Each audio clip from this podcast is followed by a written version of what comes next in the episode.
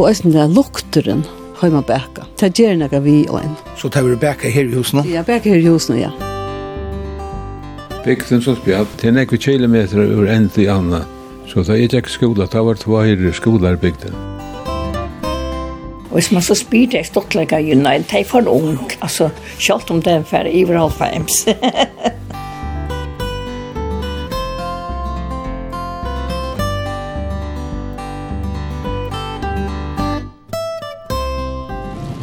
gåan det, så er Torur Ator av Skronne. Og jeg er kommet til en lenka bygd i streimøydene, og selv om hon er lenk, og her er hon nekver mykje bøylingar, ber til kortene til tja pensjonistene at samlast i en tilhalde. Og de sier at uh, det var første tilhalde av Helsons i landet som var kipa under allmannastovene, og nå under Holso og omsorgar tjenestene. Det er 35 år siden til begynte, og de hadde merkes det i tog samband med Sagt verur at endamålet vi tilhalt noen er at kjeva pensjonister noen mølløyga at møtas til fjöltotta virksemi fyrir bægi lika mosal at økja om luftskåskene vi fyrirbyrgjande og halsofremjande tilbåvun og at skipa for trivnavarlion tiltøkken og i honalion ungvarve. Nå kom jeg til tilhalde middelen Bola og i Kotlafire, som er her i Lujene. Her samlas pensjonister mannade og mikadag, og som i skilje er mannadageren, den store dageren. Så det var spennende at vi ikke her. Hette er vi Tore og Tore, og i tilhalten mittlen Paula og i Kotlafire.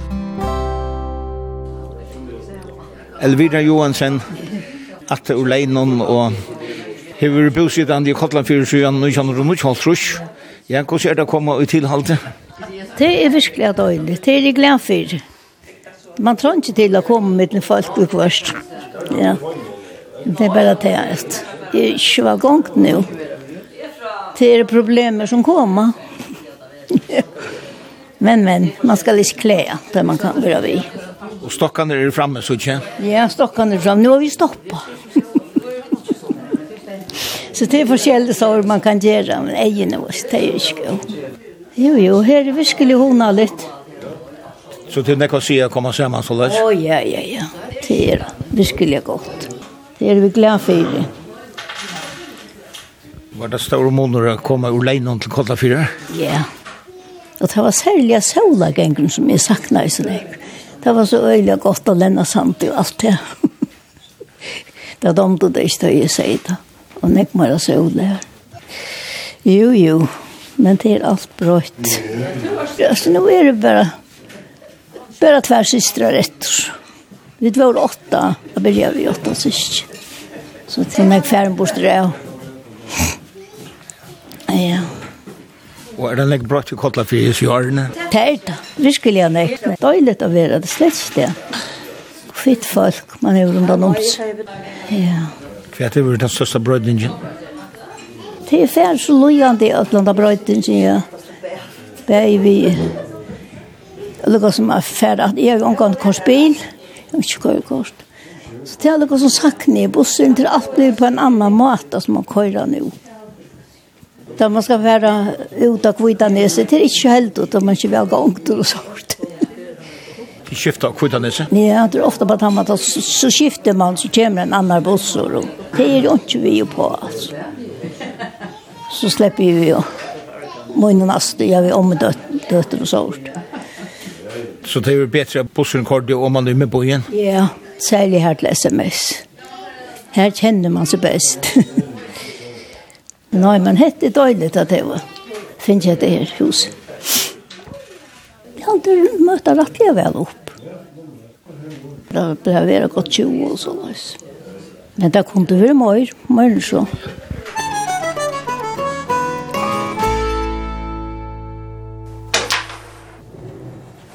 Ja, vel. Øsra Søgnen, du kjørte bare, du fikk Tvær i senaste skott i kjørte livet. Ja, det passer. Pappa dit ofta?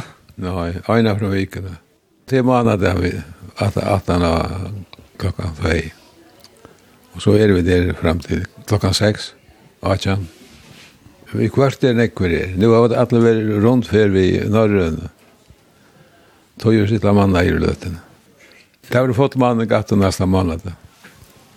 Og her kommer nekker kolfringar. Ja. Her kom han akkurat, men det skulle komme nekk fløyre til i rattvær.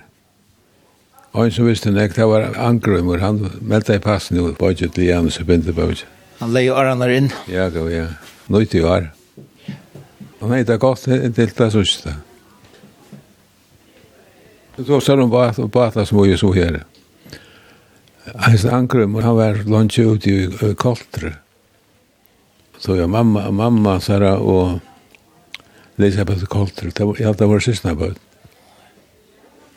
Og han siterer i alt det gamla Niklas. Det var ikke han som, som gjør seg kaprarabaten. Papi han sier. Så Arnkrun kom uh, i, i tilhalte? Nei, han kom ikke tilhalte. Det er noen om mer om hadde han, det er ju så jag vill pia i husen. Men det var har stått lite väl samma vi ju Han Han i alt det okkur gammalt. Og alt det här det nya läge. Det säger gamle Niklas. Og det var altså papet Niklas som var smuja kapprar av vattnet. Det var smuja kolter det første tøyen. Kolter var ekvilig livet på oss. Det var sloppet flåt nesten i alla väggar. Men det stoppet där ikke i heste og velpassene og kyrkjubø. Og tilhaldet hever um, tøtning for te og, og, og hinne som kommer her. Det var også du. Høyre omkring gav skrønne inn i midtlen. Hette er hent til deg. Det skulle bare være større undertøk. Ikke noen deg som kommer? Ikke kone for kunne hengt av vel an, men ikke man for kunne her, her for løyt oppmøte. Hvor kommer så feil menn? Jeg vet ikke, det er og tema vi er oppe ved sykene, ganske. Men jeg var ytla så som jeg jag där ja. Där var jag har en vandring kom på en köpe. Det ble, det ble så nær hver nør. Det er helst akkur vi til jeg gjør oss. Så tar blå asocialer så där läggas oppe? Mer eller minne. Men så skulle det nettopp for godt å komme sammen vi vi gjør dem. Det var ikke det vet inte att det vara isolerade. Hva er det annet gjør det den poppa? Og her er, her er maskiner til det, hvis Vøtta mykjeng. Kjert du til Østene? Jeg har vel noen kreatur som er passet, ta hva i det rørsle som det jo er. Bygden som spjatt, det er nekve kilometer ur enn til anna. Så da jeg gikk skola, da var tvær, tvær skolar bygden. En i fire og, og vi kjøk. Gode Mishek, han kom og, og jeg var 1890 for. Samme år som Hitler var født. det var den eldre skolen. Hine i fire, han var fra minskast 30 jaren. Her gikk bøtten inn innan fire. Det var vi kvart, og vi 20 bøtten i fire. Men det ute fire var ganske vi utmåttet trus og merkes det framvegis, altså at bygden er så lenk. Det hadde ikke, nå er alt mer samme sjøve. Og det er uidrotter. Uidrotter er øyne avvirkan av ungdom. Og det er jo godt at det er bare tre inn fra gøtene til nekka som. Er godt for det gamle sal. Vi som bor inne i fire, vi kjente ikke de som bor under sånt. Men det er slett ikke så det som det er. Men det er nok ikke skole til åkken her. Han var livet i, i kjøyt i år. Men eh, koffringar har alltid vært tiltekne for, for gav og søver. Er det mentene til enn? Ja, jeg tog bedre. Men han er mer utvattnet nå enn en, en er. Det er ikke mer. Og her er øyla sjøt flyting av folk. Fremman folk kommer inn av bygdene. Nekve tilflytare? Ja, tilflytare. Men det er alt for nekve utflytare, tog verre. Ja. Alt for nekk. Jeg tog kjørt å si, og en forklaring er at han at havnen hun så døyr for det unge. Men nå er vi samme kommuner, men her er vi gale vi er vi tar av det vi er åkken for ånds. Og det er gonger det vi tar unge. Til det finnes jo lute bort ur samanleggingene? Ja, for lute. Det var en skandal, bygde det jeg sier. Hva skulle du dit han finnes jo mer bort ur? Ja mitt landa til at det var alltid var grunnstykke til ungdommen. Det er så vøyt. Vi det var gratis busskøyring, det kom bort drøver. Men folk bruker ikke bussen nesten utan det neste tilfelle. det er så merkelig, du vet. Tar vi ikke nekt brukt det? Ikke, ja, myndelig, ja. Det er akkurat særlig det, da er det så toppar. Malla gøypan her inne, kvetter en skronni her inne. Ja, det er så velkommen å fatte en kaffe nå. Takk, takk. Damen der er i betal. Ja. Ja. Nei, nei. Nei, hvor jeg vet ikke. Det er prøvd litt av der. Det er også stor. Marion Kjøttendal, tusen takk, Ja, da har jeg hjulpet til. Godt venn, hjelp at hånd til kors. Tikka oppmøting i det? Ja. Det var en 20, så det er her om. Og til er alltid en kaffemor av skrann i Lagos? Ja, ja. og godt at vi Ja, ordnar hon fyr torcher han. Det var bara hjälp men jag syns inte kurs, det kan hålla vi igen. Vad pratade de om? Det vet inte, läst och fast. Hva det er det skrannet, jeg tenker det så imest. Hva er det skjer i bygden, jeg er ikke sånn akka. Hva er det mangler her omkring, så er det. Det ser ut som det er sindre oppbøyt. Mennene tar pappa, og ja. kvinnerne er inne i, i sovne, og benta og prata. Ja, ja. jo, jo. Og du tenker av også spøl fram. Bårspøl av omkring Ja. Men som ofta så er det, så er det stokkene du prat som er. Så det er det sociala. Ja, ja. Så onkel kanske för ut och i cyklar ett eller renner där ett gänger där ute i maskin. Trygve Samuelsen og 35 år halten hon og tilhalten hon her mittelen bola grøyte to fra oppronan hon til tilhalte. Og hva var det som gjør det at tilhalte i Kotland 4 ble det første av søgneslega i følgen? Det var så løsner at uh, Paula Kristiansen tog stig til uh, en balk av Aho av hon. Det var nekva kvinner og tvær menn. Og hennara atlan vi balkene var at uh, få i le et, uh, hun kallar det for et omlattingar og vistarheim, for gammel og avhjelpen folk. Balkeren arbeidde så framme møter og sånn her, men det var ekvelig tungt. Uh, man rönte att uh, sauna pengar saman vi Imson uh, tiltøkun. Og så höjde man av myndeløykanar av bygdara og av landsmyndeløykanar Og til alle partar var vel viljager, men til Jack Ekvila sønt å få et her i lea.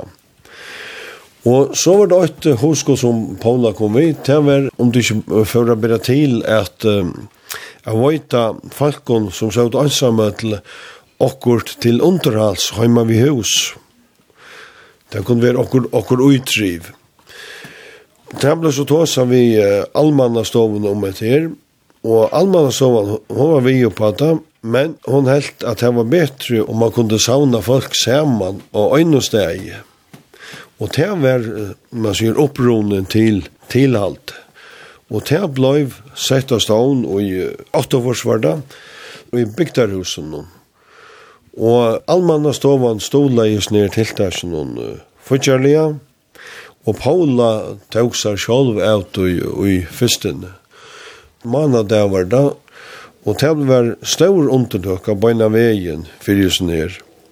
Og her var uh, kipa fyrir uitrive fyrir folk, konefasjen sa du og bonto, og det var ikke sørt at det finko maffasjen til det øysene. Og de fikk å drekke munn og så videre. Og akvarien er vær så kjipa for omkron tiltak til jævlar, påskar, og om sommar enda er det alltid vi gjør utfer. Det ble færre rundt her i fargen, imsastene, og det er domt og falt jo øyla vel. Det var stå rundt å tøkka virusen her. Og det ble også arbeid vågjere, som balkeren, Fyrir jeg få og le bedre videoskifter til dem man eldre. Og her hoksa man om uh, et etlesheim, eller luknande heim, og balken held fram at uh, savna penger til et tiltakje, og høyta av myndeløyganar, kommuno, landsmyndeløygar, Og det var som at alle parter var vel sinnet til at hjelpa til, Og akkur fontor blei hilden vi myndløkene. Jeg minnes til ein fontor, fontor var når vi eier. Her var det også en ompå for bygden der nåra for saunaier. Og her var landstyresmøveren til stier. Og her blei lova at uh, det kunne byrja steg etter. Det var bare færre gongt. Så det så øyelig løst ut. Men ikke var det, det ble nevnt sett som skulle kjipe til hvordan det skulle fære fram, og ta sauna i mal atter, og til frattet så ikke atter fra det. Og så kom det ring og tøyen der først i 15. og ta gjørtes øyla løyte. Men Valkeren og Paula særlig, hon gavst ikke så. Det ble hun ikke funnet til Hiltner, og her kan du nevne Paula var, var han var sjuk og sånn, og la heima vi hus i sannsjene, nok så lunsje, og du gjør skoj. Men det gav stund ikke fire. Hun kjipa for vondt i heima seg seg selv. Og, og det var, man sier, av sankarstøtjen. Her savnades balkeren, og hun la som formøver oppi sannsjene og kjipa i fire. Hun la sannsjene svein telefonen innas vi brøste, og jeg minnes selv jeg og innanfer når vi har funnet meg, nå ringer telefonen, og det var til øyn, man sier, av mannen og i bøltsjonen. Jo, jo, hun rakte rundt telefonen, men løtningen var så stuttur, han måtte letja seg inn i vår sannsjena og Paolo at hos i telefonen. så det snar væren, hon tok ikke alt så, man sier, så hatt høyerlig. så orreie var størst? Ja, ja, ja, ja. Kalla for, her fikk hun navnet, hvis man kalla det eknevnet, ja, man sier ikke hele navn. Om uh, hetta munte, de, uh, hun sier at du bygde den, ta var Golda uh, fortsatt jo i Israel, Og så man så var onkur hittin norra over her som sette til navnet i Apollo, Golda Og, og det var kanskje slett ikke så, så avløykar.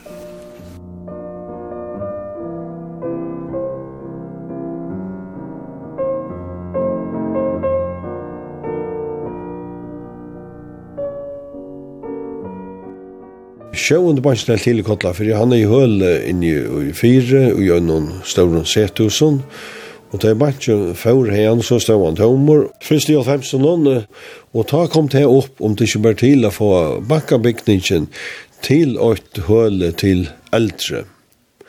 Og det var ferdig så i gang vi har tåsa vi myndeløkene, allmannastovene og tar ut okkur til for å ta seg ved bankan, ettersom det var en sorry AHA-balkar som arbeidde fyrir slukon så helt det kanskje at her kunne gjøre at banken gav etter her meira lealia Jo, jo, det ble tås av i kjønbankan, tar og ekle bløyer og lealier, og det enda vi tog at uh, husen var kjøpt til endamal.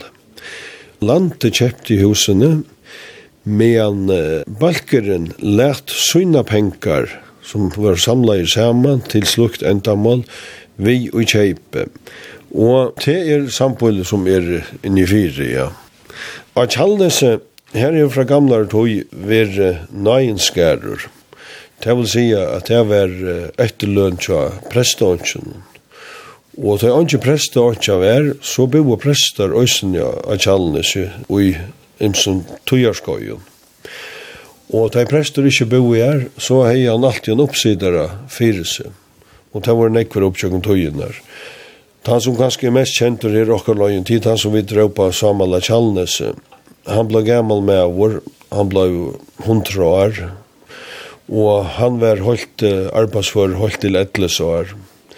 Og han hei bygd opp i husen i Kjallnes, omlai 1900-1908, Og etter håndene Så ivertog han tar bygningarna som hørte til eh, prestagar. Han kjeipe der nemlig i 1932. Ta lekker han fra seg som oppsider. Grønn, presteren, som ta vær, han kjeiper så hese åknene fra døtter Samal, og han kjeiper alle åknene 1938.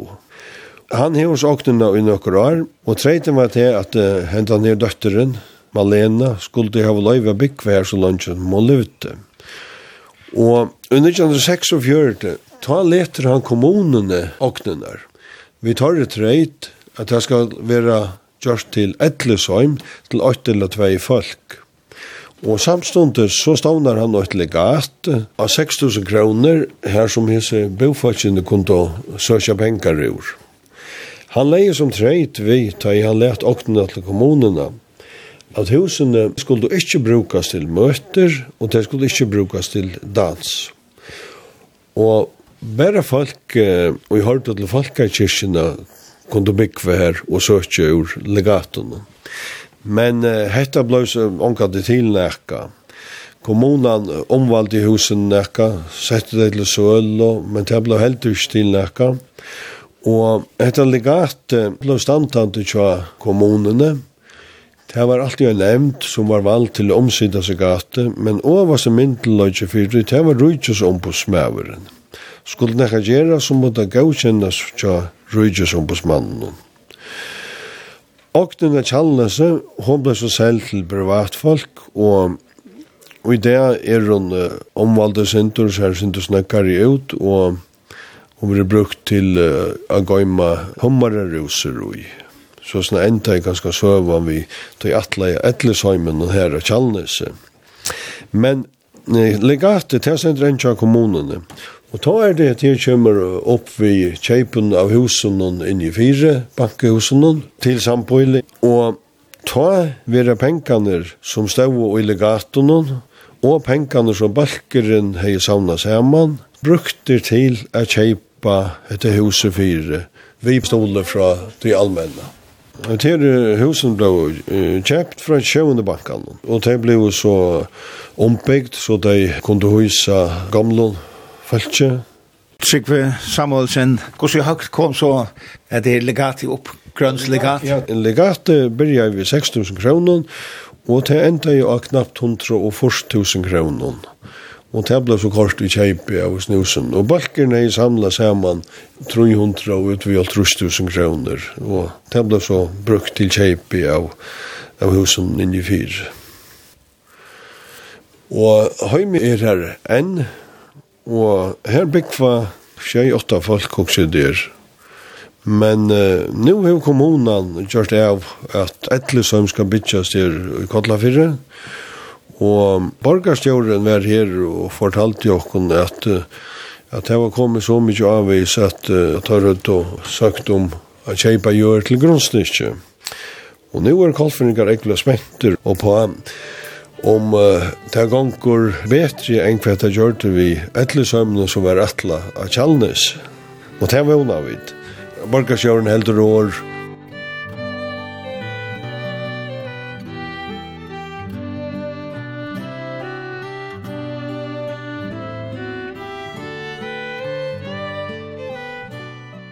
Karen Hansen, kommer to nekvo i tilhald i Kotlafyrje? Nå, jeg er så korsan flott ur Danmark, så hette jeg bare ære for jeg er her.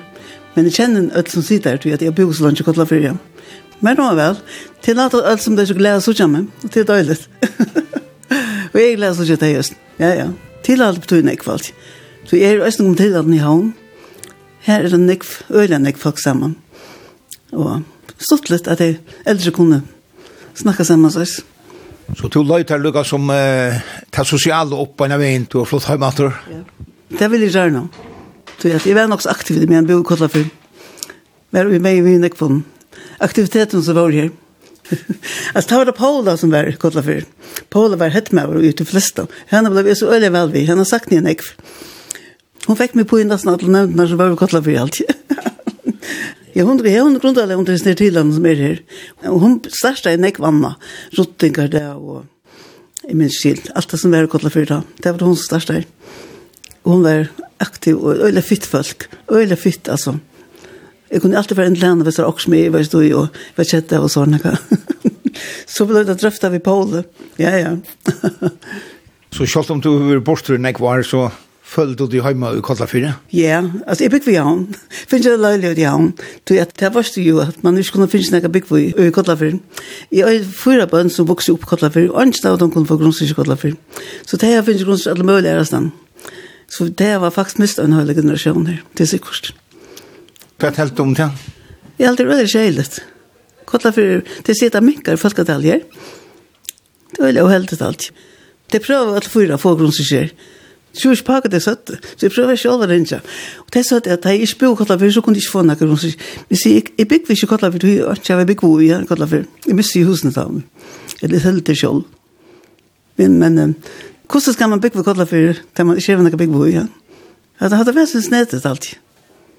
Så jeg bygde i kottlafer, så jeg prøver ikke noe nakker grunnsig, man pleier å si at gløkt er jessens eia, du er nok så lunge bort, merker du nekka ser ei kjenne fyrir Kotlafjør? Ja, altså, jeg vet ikke, bygden er veldig lenk. Ringte og kom en kontakt med folk. Det var det, det er flott til Kodlefjør. Det var 72, jeg flott til Kodlefjør. Bo 22 år Kodlefjør. Altså, det var ringte og kom en kontakt med folk. Tror jeg at uh, familiene var sammen. Det er inne fire var sammen, det er tjallene som var sammen, og Øyranger, det var... familiene var sammen på tomaten. Det var ringte og kom på i noen fellesskap. Men i sånt så har jeg det helt. Jeg har lært meg å kjenne oss. Mm Så, och det er till att det är veldig glad som Det är så glad för. um, det er jag komma komme över med folk i det. Alltså jag har alltid till alltid gjort det att folk snackar med samman. Det gör det då. Det gör det. Det tar var inte en sån ordentlig fredagshus att komma i. Det var byggt husen, men det var också så något som var här. Men inte så stora alltid. Det som här kunde öll komma och vara. Börja sig själva alltid. Ja. Så hetta vi skjøst fer du kommer til halt i kotla fyrir. Nei, nei, det er alt ikke. Jeg alt mer godser å komme etter. Det håper jeg at det gjør, ja. Det er strekninger å køyre. Det er at man ikke køyre køyre køyre.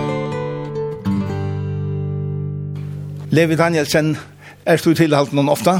Ja, jeg er faktisk kvann måned der, og øysene kvann mye der, og jeg bygger sånn her i her.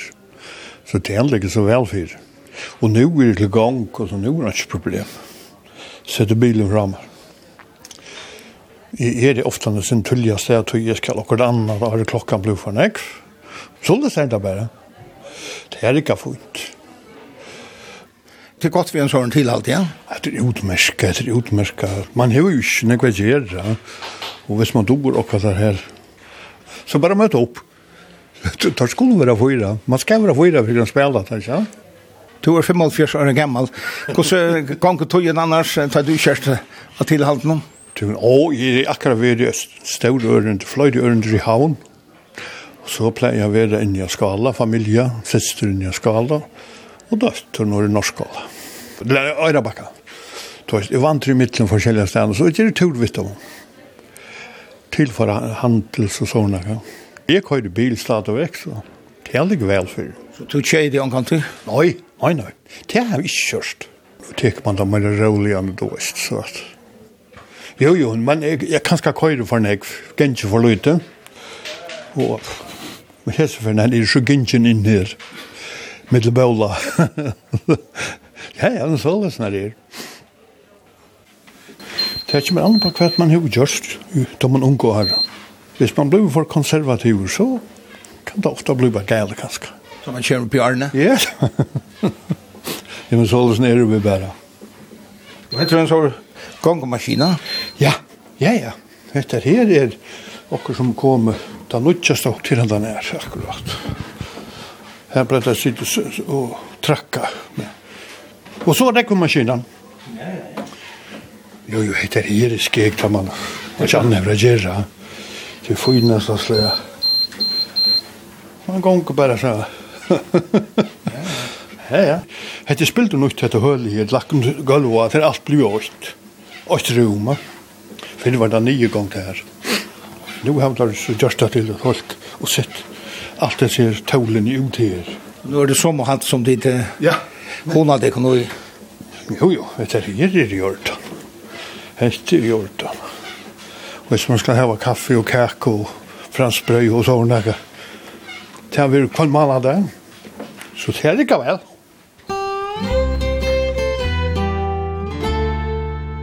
Torkjør Dam, to stender takkelig av fire tilhalt noen mittlen Paula her i Kotla 4. Hva har ditt av skrånne? Jo, altså hva skal vi er her mandag og mykdag, og det kommer mest folk mandag. Men det kommer noen mykdag også nå, og det er særlig menn som prater mykdag. Men vi, det som vi tar var det er konner binta, og prata. Og mennene tar dem øl og poppa. Og så spiller det kort. Og den eldste som er gonger her, og han damer øl og poppa og spiller kort, han kommer mest som kvønn måned. Vi synger, og vi spiller bingo. Og så kommer han inn og forteller søv i oftene. Og og fra fra sommer og lykke til nå, jeg har vært opptid altså onkel kom inn mi kvann mye det, jeg fortalte dere nok som jeg har ringt til og spurte om dere kunne selja menna vi ut for eller etla showman etla og det er veldig ordentlig interessant, og det er samlet folk faktisk og annars ta bætje kvann manna og mye mykta Og jeg kan ikke høyt på det at jeg får til høymabæka og en gøvann drikker man. Og jeg synes det er lukteren av høymabæka. Det gjør noe vi og en. Så tar vi bæka her i husen? Ja, bæka her i husen, ja. Og i midten så har vi døvrøysen. Og jeg kan ikke høyt på det at jeg får en gøvann der. Og det er jo godt. Og er det noen nekv som kommer? Altså kom det over flere som ja, kunne ja. komme? Ja, jeg halte det kunne godt være flere som kommer. Ja Målet det lykket om 20, pluss minus, ja? vilket er om ja, 20, 22, 24 kvart. Ja, men det kunne godt være mer, tog jeg, til er mer pensjonister i bygdene. Men annars kom at de terre som kom, koners kom her, terre også en bynteklubb, midt i vike, og kveldskolen, og mennene tar komme sammen i Batafellene om Mike Morkon, og Leir Morkon, og der har jeg kommet og trofast samman kommer til till og Binta. Ja, så, så vi är den också upp dit. Och det är best å att komma månader, ta komma oss mest. Og jeg halte at jeg tog at Paula Kristiansen største vis ned for 35 år siden, og hun heter ut noen, og hun heit av mannadeia. Jeg halte at jeg tog at det jeg hanker vi at det kommer mest mannadeia. Vi var tror jeg bygd hos noen. Og så har vi finnet her den gamle Batnengæren. Og her har vi vært seks år. Så ja, det har vært her i alt til alt i nødjar. Er det godt hus? Ja, det er ordentlig døylt. Det er virkelig døylt. Det er helt sikkert. Og det, vi drøyner ikke at det er så heimelig som det blir til. Ja. Og nå hadde du 35 år merkes det. Og det ble sagt at dette er første tilhalt av to konseptene i følgen. Ja Fyrsta tilhalde i Førjum faktisk, ja. Som Paula Kristiansen starta ja. Og jeg halte at hun var nok så framsutt. Hva tøtning held du selv at det hever fire til som kommer her? Jeg halte større en tøtning at de møtes. De er så glede, og de er så gønne. Vi kan annan og prate, og ja, ja, ja. som leser blød, det sørste blød inn litt her. Spiller kort, poppa, Jeg har alltid at du er ordentlig. Takk for det. Ja, ja, alt det, ja, ja, ja.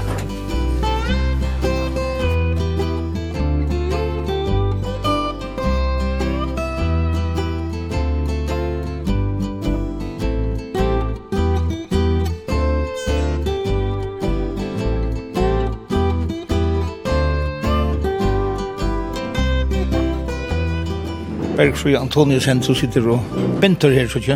Hva benter du? Jeg benter noen hosser. Det er ikke noe annet som man kan samle tankene rundt, man snakker sånn. Så her er det noe bonte i tilhalten? Jeg prøver ikke. Du sier ikke hvordan jeg sitter alle og benter. Raks for slags.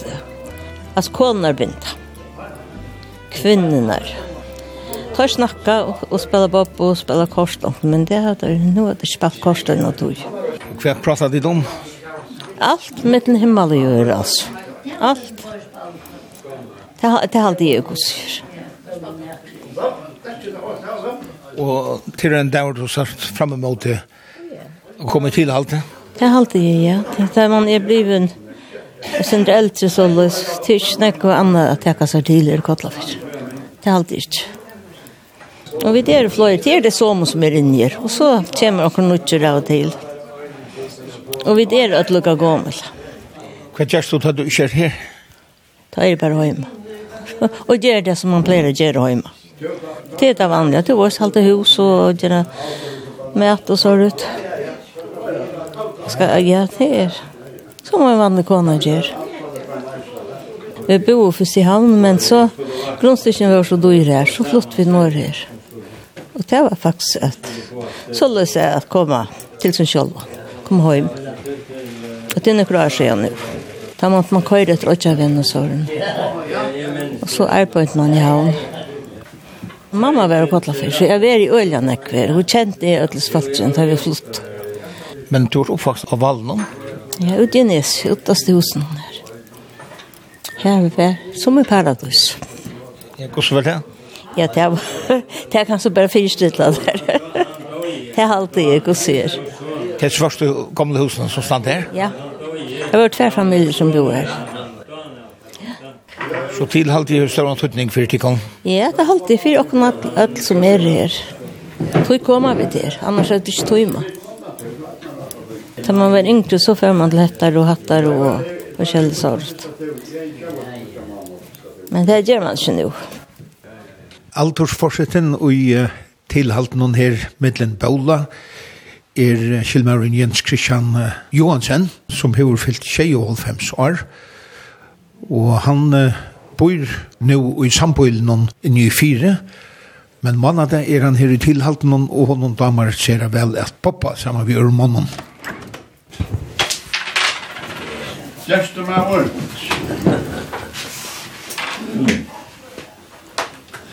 Jeg ble, jeg ble kallet en bobmaster, han reker øyne godt ofte. Bobmaster. Og nå er det aldersforskjell til.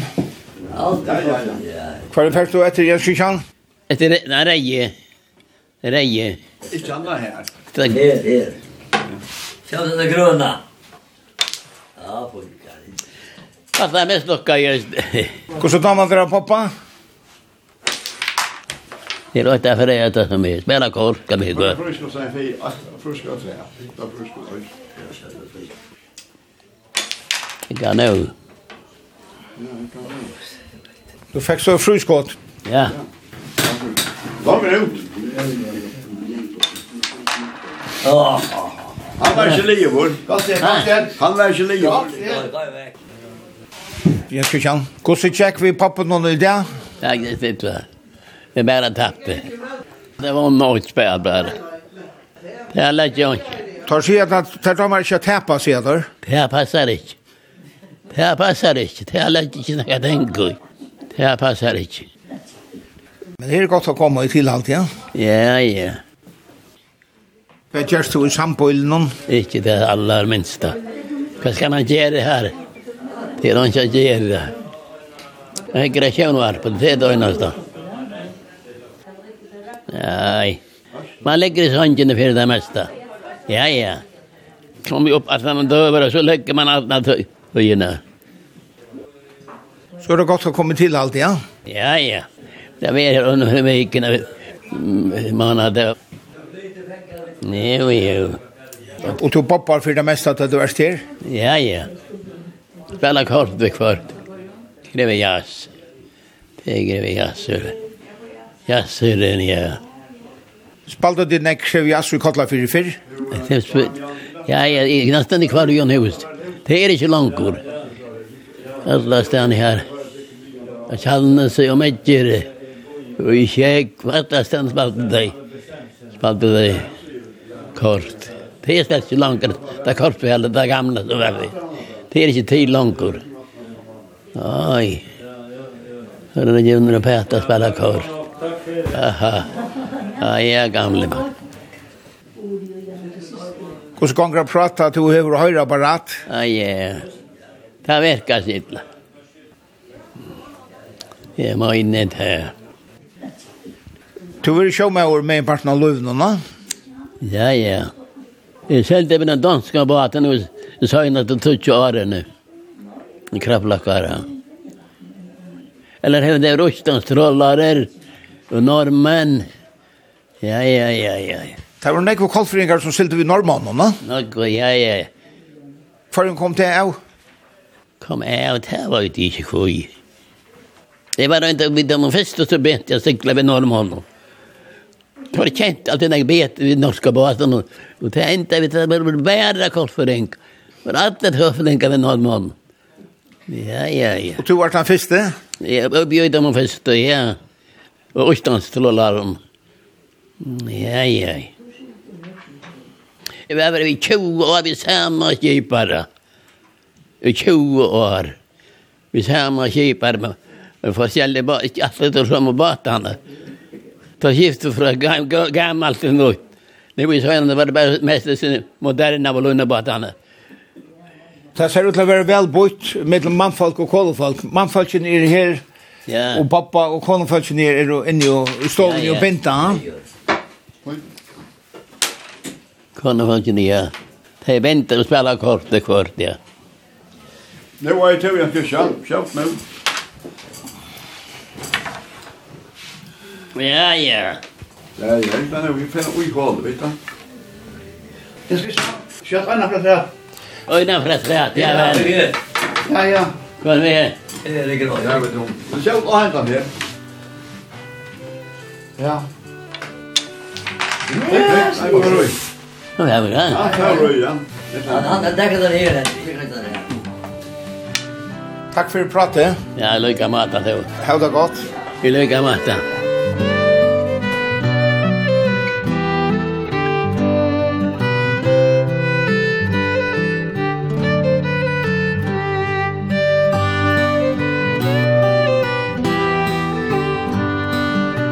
Tanja Pauli av Steinon Kolfringur, som bor i Sverige. hun bor tvei alt som kjører i Svørige. Er så ofte her i tilhalten om? Nå, til lengst så igjen, jeg gjør Svørige så igjen. Ja, i korona, om det var 2016 låg så nok alltid. Ja, så igjen av Svørige her. Og så, så kom korona, og så er jeg ikke... Jeg måtte ha något pass, altså det var utgänge pass. Så jeg måtte upp till Stockholm för jag får det ambassaden här uppe för att få en nytt pass. Ja, ja. Det är så gärna att komma samman med Kolfring kom. Ja? Jo, jo, det är ju bra. Ja, jo. Det är intressant att träffas. Jo. Du bor i Sverige 22 år. Ja, ja, så vi var vid Kjøpjaren när vi följde på land, alltså. Och det var ju tjej och trösta om, om sommar, som är minstra på en, en bas som seglar på väst, Västafrika. Royal Rui kallades Transatlantic och tar åt en flyer ship som sylte och Australien och och i Afrika, alltså Västafrika och, och Sydafrika. Att det är Transatlantic. Jag vet inte om det också hade haft som sylte till Amerika östra ship alltså. Det var en större och Roy alltså. Så tog bo i 2,5 år i Sverige, så här hur du trivs väl. Jo, men det är hållt för andra nu, alltså allt. Då det var sendt förstärkning här, i ösnen från Göteborg till, till Stockholm. Och jag är stannat från Lantun, så här är så, det är så utbrott här. Tar krutchat som att kunna så få oss vid narkotika och sådana. Och då var fria reser här, alltså. Det var myndlagande politi, så lyckla rättigheter. Det är allt loven som är... Er, så måste jag ändra på lagarna om de politiet ska vara mer uh, makt alltså. Det är det som är problemet här alltså. Borgerlig regering och jag tar lov att de skulle få de skulle få ändring på så att då i samband med politiska agitation alltså. Jo, men jag vet jag har inte strullt och så var det det här problemet med att komma in i NATO. Och i början sa det att jag skulle aldrig i NATO. Men um, Socialdemokraterna tar hållt sig av om alltså. till att Tar så att Ukraina, att det blev farligt med Ukraina och, och ta måste komma och få styrk från, från NATO. Turk Erdogan i Tur Turkiet, han ställde problem med för det. Det är helt för andra nu alltså allt det som vi har tagit är är inte långt.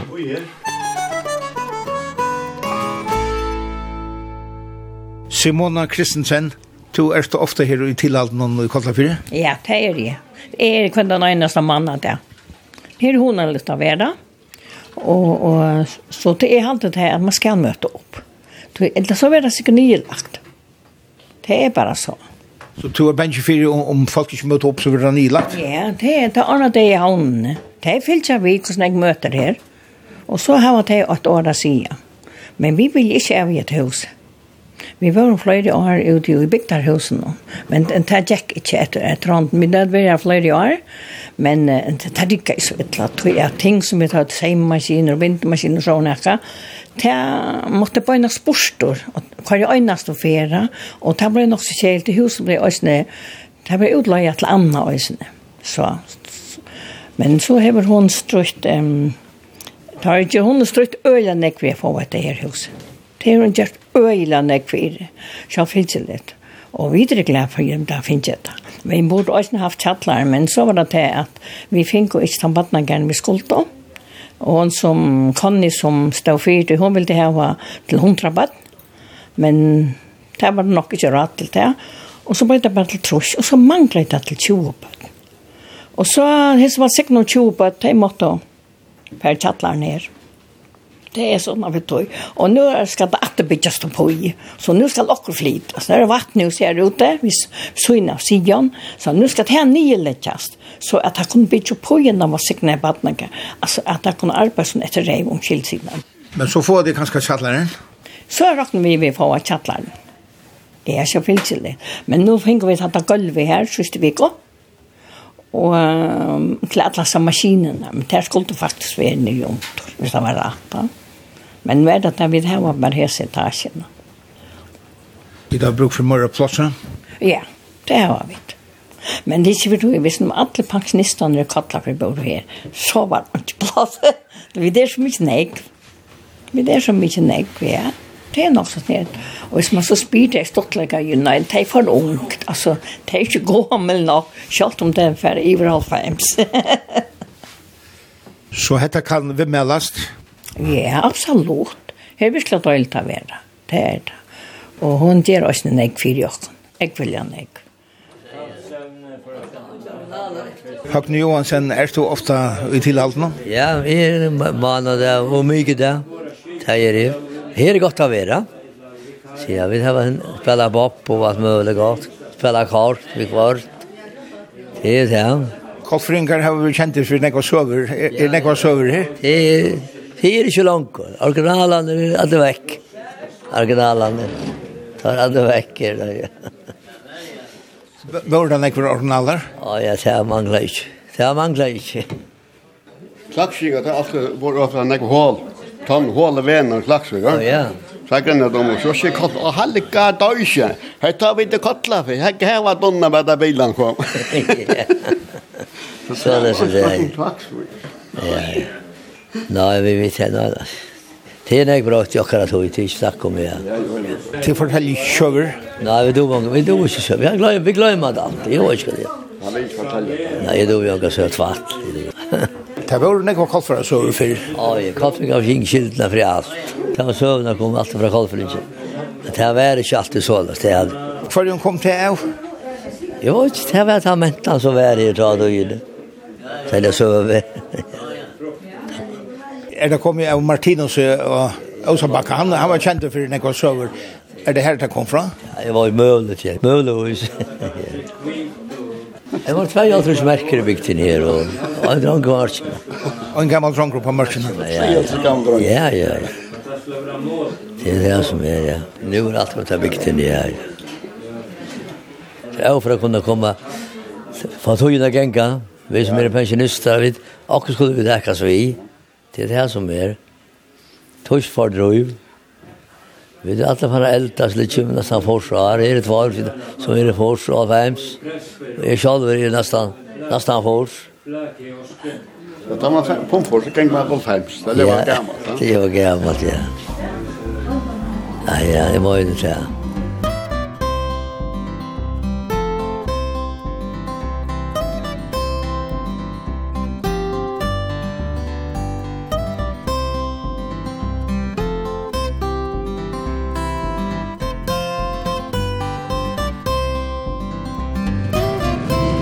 Hetta var så turen og i tilhalten om mittlen Paula og i Kotla 4. Og han var rattor og i utvartnån torsdag klokkan 11 og leierdag klokkan 4. Og det blir øsne til at lusta og heimasynet tja kringvarpnån skriva kvf.fo framskak tt. Her er og turanir. Og han er øsne som potvarp. Vi tar ju att Tore har som kunnat så ju av Facebook. Om du damer henne så sørst du det som kommer inn her. Med den andre mynter fra Torenon. Nå kjør Torer verer om Øyna Viko. Vi høyrast